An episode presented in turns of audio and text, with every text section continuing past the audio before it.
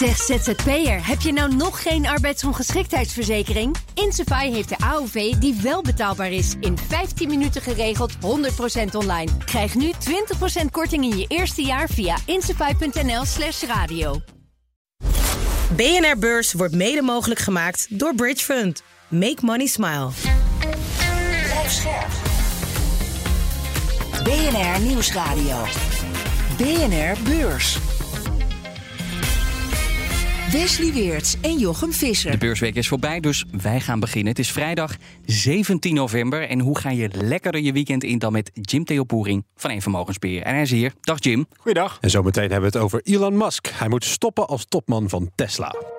Maar eerst ander nieuws dat opviel. Om te beginnen met Christine Lagarde. Dat is natuurlijk de baas van de Europese Centrale Bank. Want zij doet een, ja, vond ik, opvallende uitspraak. Ja, zeker. Zij pleit namelijk voor een verenigde beurs van Europa met een eigen Europese toezichthouder. En als voorbeeld kijkt ze dan naar Amerika. Daar heb je natuurlijk de SEC, de beurswaakhond van de VS.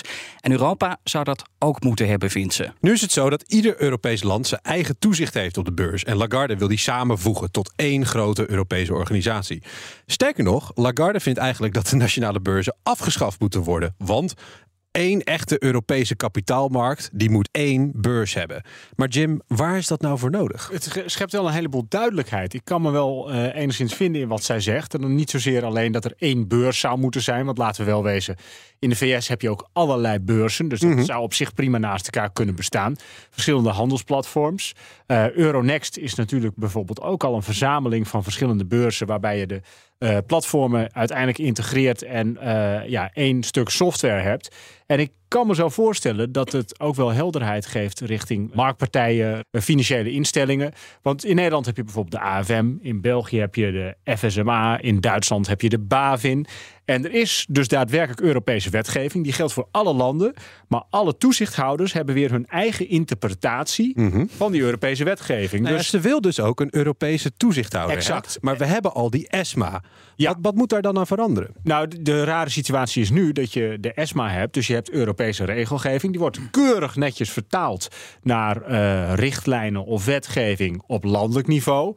En ja, er bestaan dus daadwerkelijk verschillen doordat de interpretatie van de verschillende landen en de verschillende toezichthouders weer anders is. Dus soms is dat ook wel heel erg verwarrend. En ik zou het best wel goed vinden als er één Europees toezicht is. Zodat je overal uh, een level playing field hebt. Iets heel simpels bijvoorbeeld. Dat je in Nederland heb je uh, financiële instellingen die mogen geen zogeheten kickbacks geven. Dus een soort aanbrengvergoeding zou je kunnen zeggen. Mm -hmm. Nou, dat mag niet in Nederland. Maar in België bijvoorbeeld mag dat wel. Ja, dus jij staat wel aan de zijde van uh, Christine Lagarde. In ieder geval. Het is goedkoper, hè? Het is helderder en goedkoper. Dat vinden we als Nederlanders altijd Zeker. fijn. Wil ik het nog even hebben over de ophef rond Applied Materials. En voor wie dat niet kent, dat is de maker van chipmachines, zeg maar voor het gemak de Amerikaanse concurrent van ASMI.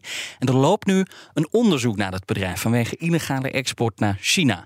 Applied Materials zou spullen hebben verkocht aan een Chinees bedrijf dat op een zwarte lijst staat, de zwarte lijst van Amerika. Hm. En volgens Reuters gebeurde dat via een omweg, via Zuid-Korea, waarna die spullen ja, alsnog in China zijn beland.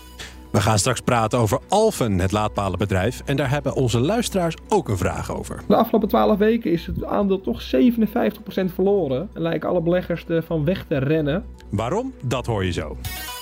Tesla-topman Elon Musk ligt zwaar onder vuur. Aanleiding zijn nazi-berichten op X, het voormalige Twitter, waar Musk dus ook eigenaar van is. Daar verschenen reclames van grote merken als Apple, Oracle en IBM onder berichten waarin nazi-Duitsland en ideeën van Adolf Hitler werden opgehemeld.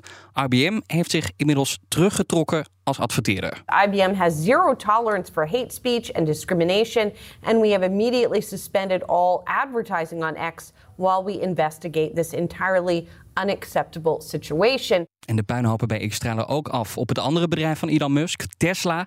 Musk vernietigt Tesla en hij moet stoppen als CEO. Die kritiek komt onder meer van de medeoprichter van Facebook, maar nog belangrijker, die kritiek komt ook van investeerders, onder van deze topbelegger en groot aandeelhouder van Tesla. This isn't about me calling for him to step aside. He has stepped aside as CEO of Tesla. None of his actions are for the benefit of Tesla at this moment. It's all about Twitter and what he can tweet and how many people he can piss off. He actually thinks in his weird world that the things he says matters. But what he's really doing is destroying everything he's built. Jim heeft hij gelijk. Is Musk Tesla aan het vernietigen? Dat heeft hij natuurlijk in het verleden al veel vaker gedaan. Of in mm. ieder geval Tesla geen dienst bewezen. Dat is wel dubbel, want hij heeft Tesla ook heel veel diensten bewezen. Door uh, innovaties en door het, eigenlijk het hele marktmodel open te breken. Bijvoorbeeld al zonder, door zonder echte dealerships te werken. Um, maar ja, we weten natuurlijk dat Elon Musk een losgeslagen projectiel is. Dus in dit geval ook door uh, op antisemitische tweets te replyen dat hij het helemaal eens is. Mm Nou, het is op zijn minst niet handig, maar dat heeft hij vaker gedaan. Hij heeft ook al een keer gezegd van nou, ik denk uh, dat Tesla weer van de beurs gaat. Ik heb de financiering al geregeld. Voor 20 a share. Exact. Uh, en ja, dronken uh, met een joint in een uh, radioprogramma verschenen. Um, hij heeft op een gegeven moment tijdens persconferenties of eigenlijk analistencalls gezegd dat die analisten domme vragen stelden. Het is een aaneenschakeling van ellende en het is gewoon wachten op de volgende keer. Tesla, dat heeft natuurlijk een proces doorgemaakt en de Boston Consultancy Group is geloof ik, die heeft heel mooi model ooit gemaakt, heel simpel, waarbij je zegt van ja, je hebt een bedrijf, dat zit eerst in een soort start-up fase, een wildcat noemen ze dan, vervolgens wordt een rising star en daarna wordt het een cash cow. En Tesla gaat richting de fase van cash cow. Het is niet meer die rising star. En daar wordt er natuurlijk ook een heel ander type nou, manager of CEO bij. Dus je kunt je wel afvragen, is in de fase waarin Tesla nu zit, waarin het gewoon een grote marktspeler is, winstgevend uh, en echt een mega company die gewoon gerund moet worden, is dan Elon Musk wel de man die dat moet doen? En wat zou je dan zeggen? saai? Nou, nee. In hoeverre schade de puinhoop bij X Tesla? Jaagt die klanten weg met dit soort uh, uitingen en acties? Nou, niet zozeer klanten, want uh, de Tesla-koper die is natuurlijk enthousiast over Tesla. Uh, de auto's vliegen als warme broodjes over de toonbank. De omzet gaat dit jaar door de 100 miljard heen. Hè, 100 miljard, bedrijf is winstgevend. Dus het zijn niet de klanten, maar wel de investeerders. Er zijn nu meerdere investeerders die zeggen van ja, uh, deze man met dit soort tweets, die koers die is ook een stuiterbal van zijn tweets vaak. Hè? Nu ook. De koers gaat weer omlaag. Dat hebben we eerder gehad. Toen ging hij omhoog. Toen hij zei van nou, het gaat misschien wel van de beurs. Um, op het moment dat hij neerbuigend is richting analisten, dan gaat de koers weer naar beneden. Dus Elon Musk, zijn gedrag heeft te veel invloed op de koers van Tesla. En ja, ik begrijp het wel. Dus natuurlijk meteen angst. En nu ook is hij bezig met, uh, met X, het uh, oude Twitter. Ja, daar heeft hij zijn pijlen op gericht. En dat is natuurlijk ook één groot wazig gebeuren op dit moment aan het worden. Waarbij alleen nog maar gescholden wordt een platform waar die iedereen weer ruimte geeft. Hè. Ik, uh, er is een film te doen geweest over Trump of een Andrew Tate. Ja, die zijn allemaal weer welkom op uh, zijn platform. Maar maakt dit alles ook dat jij het eens bent met die groot aandeelhouder die we net hoorden? Namelijk, moet hij nou opstappen of niet? Ja, daar ben ik het mee eens. Ja. Het is heel simpel. Als jij investeerder bent in een een, een, reusachtig bedrijf zoals Tesla met een marktwaarde van bijna duizend miljard. Mm -hmm. Het is soms wel Magnificent Seven, soms ook weer eventjes niet. Maar in elk geval een top 10 bedrijf wereldwijd. Daar moet je solide bestuur hebben, correct bestuur. Dat voldoet aan de regels en waar de strategie gevolgd wordt. Maar kan dat wel? Kan iemand hem wel wegsturen? Nou ja, uiteindelijk is er. Uh, hij is officieel. Uh, heeft hij al eerder een, een, stap opzij moeten doen. Ja. Uh, na die uitspraken, waardoor hij de, door de SEC op zijn vingers. Ja, toen mocht hij geen voorzitter meer nee. zijn van de board. Hè? Dat was. Klopt. Ja. En er is natuurlijk een controlerend orgaan. Uh, een goede raad van commissarissen, zullen we maar zeggen. En die kunnen uiteindelijk natuurlijk zeggen uh, dat hij van het plus af moet. Ja, punt is natuurlijk, kijk, dit soort mensen krijgen de aandacht. Dit is natuurlijk een uitspraak, haalt het nieuws. Maar ja, ja. dit is van één investeerder, twee investeerders, drie investeerders. Ja, die wel overigens inderdaad gewoon een paar honderdduizend aandelen Tesla... Uh, in hun fonds hebben. Tuurlijk, allebei. maar dat betekent nog niet dat er ook echt een hele grote groep aandeelhouders is die het met deze mensen eens is. En met jou dus ook eens is, Jim. Nee, ik denk dat de serieuze investeerder uh, dit wel ook nou, zal onderschrijven, dat gevoel. Maar er zijn natuurlijk ook heel veel particuliere aandeelhouders. Die zijn gewoon fan van Tesla. Die zijn fan van Elon Musk. Alles wat hij doet, die willen ook de nieuwste Tesla. Uh, en dan heb je een hele andere overweging om te investeren dan dat je dat doet omdat je een belegger bent, rendement op je kapitaal wilt zien. Maar ja, dat is hoe je ernaar moet kijken. Nou, vroeger waren er ook veel fans van Volkswagen, maar in tien jaar tijd verkocht Volkswagen niet zo weinig auto's in China als nu. Dat las ik bij CNBC. En de reden ja, laat zich raden de enorme concurrentie van Chinese autobouwers. En dat betekent niet alleen Volkswagen, maar bijvoorbeeld ook Nissan, Hyundai en Toyota. En het was sowieso een week vol met autonieuws. Stellantis schrapt nog eens duizenden banen in de VS. Bedrijf achter als Opel, Fiat en Chrysler vraagt 6400 werknemers om te vertrekken. Je ziet ondertussen dat de verkoop van elektrische auto's inzak. In August 2023, it took about twice as long to sell an EV in the US as it did the previous January. De dag dat Renault een elektrische auto belooft van minder dan 20.000 euro. Als ik ook dat er bij Volkswagen waarschijnlijk eh, banen dreigen te verdwijnen. Want de kosten van kantoorpersoneel, dat moet met 20% omlaag. En dat zal er neerkomen op een verlies van 4 tot 8.000 banen. En voor de duidelijkheid, dit was allemaal deze week. Jim, dat er zoveel mensen moeten vertrekken bij die autobouwers. Is dat omdat je gewoon minder mensen nodig hebt voor die elektrische auto's om die dingen te maken? Of is dat omdat het zo slecht gaat bij die autobouwers? Nou, eigenlijk vooral toch wel het laatste. Uh, als je kijkt naar de marges die ze maken, die zijn gewoon te dun. Uh, dat willen beleggers niet, dat moeten bedrijven ook niet willen. Dus om, uh, ja, om de marges te verbeteren, moeten er uiteindelijk in de kosten worden gesneden. Dus ja, het is heel begrijpelijk. Hè? Stellantis, Volkswagen, dat die uiteindelijk mensen op straat zetten. Bij Stellantis overigens is het wel een soort van vrijwillige vertrekregeling ja. voor oude personeel. Ander punt is wel, kijk, als je het hebt over uh, 3.500 of 6.500 mensen eruit. Dat zijn heel veel mensen. Maar bij Stellantis werken 300.000 mensen. Bij Volkswagen werken er bijna 700.000. Dus... Maar ja, in het geval van Volkswagen gaat het wel om 20% van het kantoorpersoneel, Jim. Dat is toch best wel veel. En dan heb je het nog niet eens over de fabrieken gehad en al die mensen die daar werken. Nee, maar dat is overhead. Het zijn extra kosten. En de marges die moeten echt verbeteren. Want ja, dat is uiteindelijk wel natuurlijk waar uh, investeerders ook naar kijken. Van ja, hoeveel uh, rendement wordt er gemaakt op elke euro die wordt omgezet uh, en op elke euro die er wordt geïnvesteerd. Dus dat is op dit moment gewoon te laag. En je ziet het ook als je kijkt naar bijvoorbeeld de aandelenkoers van Volkswagen. Ja, die staat weer op hetzelfde punt als midden in corona. En toen dachten we dat niemand ooit nog meer een auto zou kopen. Dus hè, om even aan te geven hoe de teneur onder beleggers is. Het gekke is ook wel, als je kijkt naar Volkswagen, ja, dan kun je ook afvragen wat we dan noemen. Is het nou een, uh, een value trap of een value play? Want ja, het aandeel oogt spot en spot en spot goedkoop. Maar dat heeft natuurlijk wel eens alles mee te maken dat Volkswagen uh, met name de slag om elektrisch rijden echt lijkt te missen. Maar precies daarom. Ondertussen gooien ze dus veel personeel eruit of hebben daar plannen voor. Dat geldt voor zo'n beetje al die autobouwers. Hoe kun je nou die achterstand inlopen met veel minder mensen? Nou, kijk, in dit geval is het vooral overhead. Hè? Dus uiteindelijk in de fabrieken, daar worden de auto's gebouwd. Uh, en dat zijn degenen die ook daadwerkelijk de omzet gaan leveren. Of althans, in dit geval in de, in de, in de dealerships, in de uh, garage zelf worden natuurlijk de auto's verkocht. Maar die worden wel echt gebouwd. Die handjes heb je nodig. Steeds ja, maar ook meer daar natuurlijk vallen ook. ontslagen. Logisch, want er wordt verder geautomatiseerd en steeds meer werk overgenomen door, uh, door, door robots in de fabriek.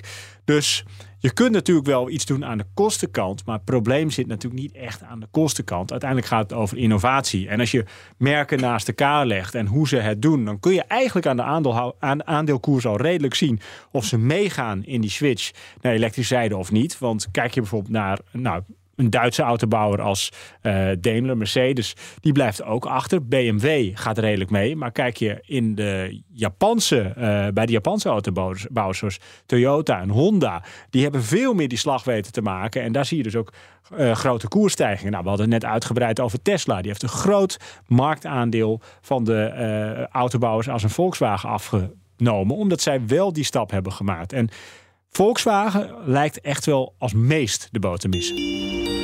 Maar er gebeurde meer deze week. Zo vloog de Chinese president Xi Jinping voor het eerst in zes jaar naar Amerika. Daar had hij een ontmoeting met zijn collega Joe Biden. Maar er was ook een heel duur diner voor CEO's van grote Amerikaanse bedrijven. Want Xi wil graag hun vertrouwen terugwinnen. The table that Xi is sitting at is actually $40,000 a chair.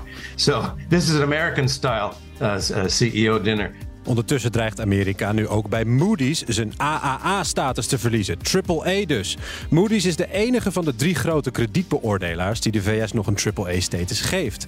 Maar ook die overweegt nu dus een downgrade. De kans op nog meer renteverhogingen is deze week weer een beetje kleiner geworden, want de Amerikaanse inflatie daalt richting de 3%. The Labor Department says the rate of inflation, which measures how much prices are rising, fell to 3.2% in October. Uit China kwamen de grote techbedrijven met cijfers. Tencent, JD.com en Alibaba. En bij die laatste, Alibaba, trok vooral iets anders de aandacht. De cloudtak, want ja, die zou eigenlijk los naar de beurs worden gebracht. Maar dat gaat niet door, tot verdriet van veel beleggers. Alibaba is not having a great morning here, Jenny. Hanging on right now barely after a 9% drop. En ook slecht nieuws voor diabetespatiënten, want wondermiddel Wegovy blijkt niet alleen een gehyped afslankmiddel, maar het blijkt ook goed voor je hart. Het medicijn vermindert de kans op hart- en vaatziekten met maar liefst 20%. Wat niet per se goed is voor je hart, is PFAS. De stoffen die chemiebedrijven wereldwijd al jaren gebruiken voor bijvoorbeeld de anti-aanbaklaag op je pannen. Die veroorzaken al jaren gezondheidsproblemen. En grote beleggers met meer dan 10 biljoen dollar onder beheer willen nu dat bedrijven daarmee stoppen. En als je nou denkt, hé, hey, dat bericht komt een beetje laat dat klopt. Ze zijn bang voor de claims nu PFAS wereldwijd niet meer wordt geaccepteerd. Alleen het echte vuurwerk vond deze week plaats in De midcap. Er was zo'n massale interesse in het aandeel Alphen dat het dik 20 minuten duurde voor er überhaupt een koers op de borden kwam. En uiteindelijk stond er een plus van 34 procent. En nu het toch over Alphen gaat, dat sluit hier mooi op aan. Ik heb een luisteraarsvraag voor u. BNR Beurs. De luisteraarsvraag komt van mijn naamgenoot Jochem. Hij wil eigenlijk even zijn gram halen bij jouw eh, collega Jim. Want Stefan die was positief over Alphen. En toen daalde het aandeel flink dit jaar. We kregen de vraag natuurlijk net voor deze laatste koersprong. Dat snap je wel. Hou dat even in het achterhoofd. Ik heb uh, meneer Kastelein uh, eerder horen spreken over Alphen. Hij was vrij positief over het aandeel gestemd. Echter de afgelopen 12 weken is het aandeel toch 57% verloren. En lijken alle beleggers ervan weg te rennen. Vanaf de top zijn we 77% gedaald. Jim, die koersprong eh, van deze week. Die voelt goed natuurlijk. Maar als je nou optelt, het aandeel heeft dit jaar vooral 45% van zijn waarde verloren, nog steeds. Wat is er nou eigenlijk aan de hand met Alphen? Zij hebben natuurlijk voorgesorteerd op de shift naar elektrisch rijden. Beleggers ook, die zagen dat als een groeimarkt. Maar 2023 is denk ik voor uh, Alphen echt een uh, overgangsjaar. Een jaar waarin het helemaal niet goed gaat. Oh, zo noemen ze dat als het slecht gaat. Ja, maar dat uh, is voor hun ook in die zin te hopen. Maar je ziet het ook terug in de cijfers. Als je met name kijkt naar die laadpalen. Daarvan werd al gezegd, ja, er sprake van destocking. Dus hè, de voorraden die worden eerst geleverd en geplaatst. En er worden nog geen nieuwe palen van Alphen uh, gekocht. Nou, dat zie je ook, want de omzet uh, uit uh, die EV charging equipment, die is dus jaar op jaar bij Alphen meer dan gehalveerd. Dat was het paradepaadje. Er werd uh, in een kwartaal zo'n 70 miljoen omgezet. Nou, nu nog 35. En die laatste koersprong kwam dan omdat de batterijsystemen en het andere onderdeel, de transformatorhuisjes, dat ging wel beter, zeg maar. Exact. Ja, daar verraste Alphen wel degelijk. Want als je dan kijkt naar ja, waar kwam uiteindelijk de omzet op uit, die groeide dus gewoon op jaarbasis. Sterker nog, met 11 procent. Terwijl analisten rekening hielden met een daling. En 2024 zou de uh, groei weer verder moeten gaan. Maar jij bent net als Stefan dus wel positief nog over Alphen. Nou, kijk, als je, uh, het, als je naar de cijfers kijkt, dan zien die er een stuk beter uit. Uh, ik heb de aandelen niet, ik hoef ze ook niet. Want ook als je nu kijkt, ja, de waardering is nog steeds wel behoorlijk en vooral gericht op groei. Deze week kwamen we ook meer te weten over de portemonnee van mensen in Amerika. Want de grote retailers die lieten zien hoeveel ze verkocht hadden. Dan gaat het om Walmart, Target en Home Depot. Ja, en ze hadden alle drie één ding gemeen. De verkopen per winkel daalden. Consumenten stellen grote uitgaven uit en snakken naar kortingen. En de oud-CEO van Walmart, ja, die ziet die recessie al aankomen. So I think, you know, you're, you're looking at a consumer who's starting to have to really, really be considerate of their purchases, which is indicative of us heading towards a, a downturn. Amerikanen kopen dus minder. Komt dat nou omdat de hypotheek en de auto zoveel duurder zijn geworden, Jim? Nou, die hypotheek wel. Het heeft te maken met een paar dingen. Enerzijds, uh, alles is duurder geworden, de inflatie. Maar vooral, de rente is hoger. Ja. Dus uh, het lenen van geld voor bestedingen, ja, dat is duurder voor consumenten. En anders, aan de andere kant is iets anders ook aantrekkelijk. Dat is je geld op de spaarrekening stallen. Nou, dat uh, zien deze retailers ook allemaal. En uh, hè, in de breedte zien ze de omzet iets dalen. ze zeggen echt wel inderdaad van, nou ja, ze houden de, de hand op de knip. En het meest zie je dat misschien nog wel bij nou, Target kwam met cijfers. Hè, dus dat is een warenhuis, elektronica, et cetera, verkopen zij. Dat is natuurlijk wel het eerste wat je links laat liggen. Dus daar zie je de meeste uh, omzetdaling. Ja. Walmart, daar valt het in die zin nog mee. Uh, consumenten besteden wel minder. En Home Depot, ook daling. Dus de bouwmarkten, mm -hmm. uh, zoals we die uh, hier kennen. Maar de meeste zullen Home Depot niet direct kennen. Exact. nou ja, die groeide heel hard onder corona. Maar daarna is het ook een beetje kwakkelen. Toch zag je wel dat uh, als je kijkt naar de koersen van die aandelen, ja, uh, Walmart min 8%, maar die bereikte deze week ook hun all-time high. Ja, beleggers hebben winst genomen. Ja, dus wat dat er gaat, het valt nu eventjes tegen, maar Walmart doet het gewoon heel erg goed. Target doet het helemaal niet goed, die koers is gehalveerd, maar het ging minder slecht dan verwacht. Dus daar zag je juist een koersprong van bijna 20% Ik geloof de hoogste in 4, 5 jaar tijd. ja, en ook uh, bij, bij Home Depot, die, uh, die aandelen gingen ook fors omhoog. En ook daar gold weer van, het was niet best, maar nee. minder slecht dan verwacht. Ik kan een uitspraak van de CFO herinneren en die zei... ja, mensen vervangen alleen hun keukenbladen... en doen niet de hele keukenrenovaties. Nee. Dus ja, klanten komen dus wel naar die winkel. Maar wat ik me afvroeg, hè, producten worden natuurlijk ook nog steeds duurder. Dus groeit ook automatisch je omzet. Je hoeft dus niet per se meer te verkopen om je omzet te laten stijgen. Dus verbergt die ja, inflatie niet die slechte omstandigheden bij de retailers? Daar heb je helemaal gelijk in. Sterker nog, ook als je het hebt over uh, bijvoorbeeld economische groei. Daarvan zou je ook kunnen zeggen, ja, eigenlijk is hij er niet. Want in volume gemeten worden er niet meer producten of diensten verkocht. Nee, mm -hmm. ze worden tegen een hogere prijs verkocht. Aardig is, als je dan kijkt naar Target, hè, dus die die elektronica onder andere uh, verkopen. Die zijn op dit moment vooral bezig met prijsstunts om die consument maar te lokken. Dus wat je daar in de winkel hebt, is al een stukje prijsdeflatie. Dus prijzen moeten dalen om nog maar dezelfde uh, volumes te kunnen bereiken. Het is een race naar de bodem dus eigenlijk. Uh... Nou, is misschien ook wel goed, hè, na wat we eerder hebben gezien. We komen wel van een hele hoge piek inderdaad. Ja, de, het, is, het is uiteindelijk niet goed, hè, want als je weet van, nou ja, ik uh, kan een nieuwe telefoon kopen nu voor 750 euro, maar over een half jaartje is misschien 650, ja, wat doe je dan? Halfjaartje wachten. Met als gevolg dat er minder economische activiteit is. Heb je vandaag een nieuwe je... telefoon gekocht. 500 euro. 200 euro korting. Nou, toch wel lekker toch in de aanloop ja. naar Black Friday. Het is ook Volgende week is hij 400. Hè? Nou ja, ga, ik, heb, ik kan hem tot januari terugsturen, die telefoon. Oh, kijk. Dan nog even naar die ontmoeting tussen Xi Jinping van China en de Amerikaanse president Joe Biden. Doel van die ontmoeting was de relatie herstellen. Uh, Jim, wat is er nou eigenlijk bereikt? Um, ja, wat is er bereikt? Kijk, ze zijn weer on speaking terms. Je zou kunnen zeggen, ja, de verwachtingen waren al heel laag. Maar het feit dat ze, ik geloof, vier uur lang met elkaar hebben gewandeld, geluncht en gesproken. dat geeft wel aan dat er in elk geval gesproken is.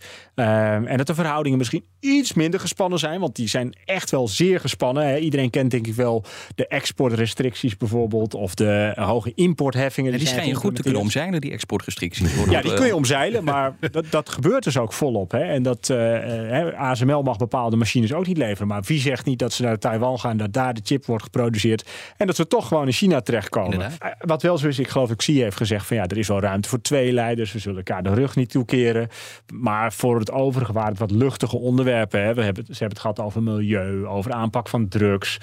Um, maar niet zozeer over uh, economie, beperkingen, defensie, dat soort zaken. Ik geloof wel uh, dat uh, na afloop dat Biden had gezegd van nou, hoe was het? Ja, had hij wel gezegd, ja, Xi is gewoon een dictator. dus ik weet niet of daarmee alle glazen weer zijn ingegooid. zijn nog geen vrienden, denk ik. Volgende week staan we weer voor je klaar met BNR Beurs. Met als hoogtepunt de woensdag en de dag ervoor. Want maar één onderwerp kan de financiële kranten doen besluiten om even niet over de beurs te schrijven. En dat zijn natuurlijk de verkiezingen.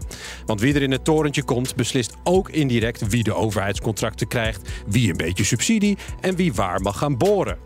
Verder komt Nvidia met de laatste kwartaalcijfers. Het verhaal is bekend, de AI-revolutie heeft chips nodig. Die komen op het moment van Nvidia en het bedrijf trekt de hele S&P 500 dit jaar een flink stuk omhoog. De vraag is dus niet of die cijfers goed zullen zijn, de vraag is of ze fantastisch gaan zijn. En vooral of de verwachtingen voor volgend jaar nog rooskleuriger worden dan ze al waren. Tot slot, let ook even op HP Inc. Dat onderdeel van het oude Hewlett Packard verkoopt printers, computers en andere hardware. En inmiddels is wel duidelijk dat het geld van de consument in Amerika opraakt. Grote uitgaven worden uitgesteld, melden Target, Walmart en Home Depot dus al bij de cijfers. Beleggers zijn benieuwd of dat ook geldt voor andere bedrijven. Toch nog uh, wat cijfers volgende week. Welk cijfer geef je deze uitzending, Jim? Dit zei, nou, ik was een beetje aan het stotteren.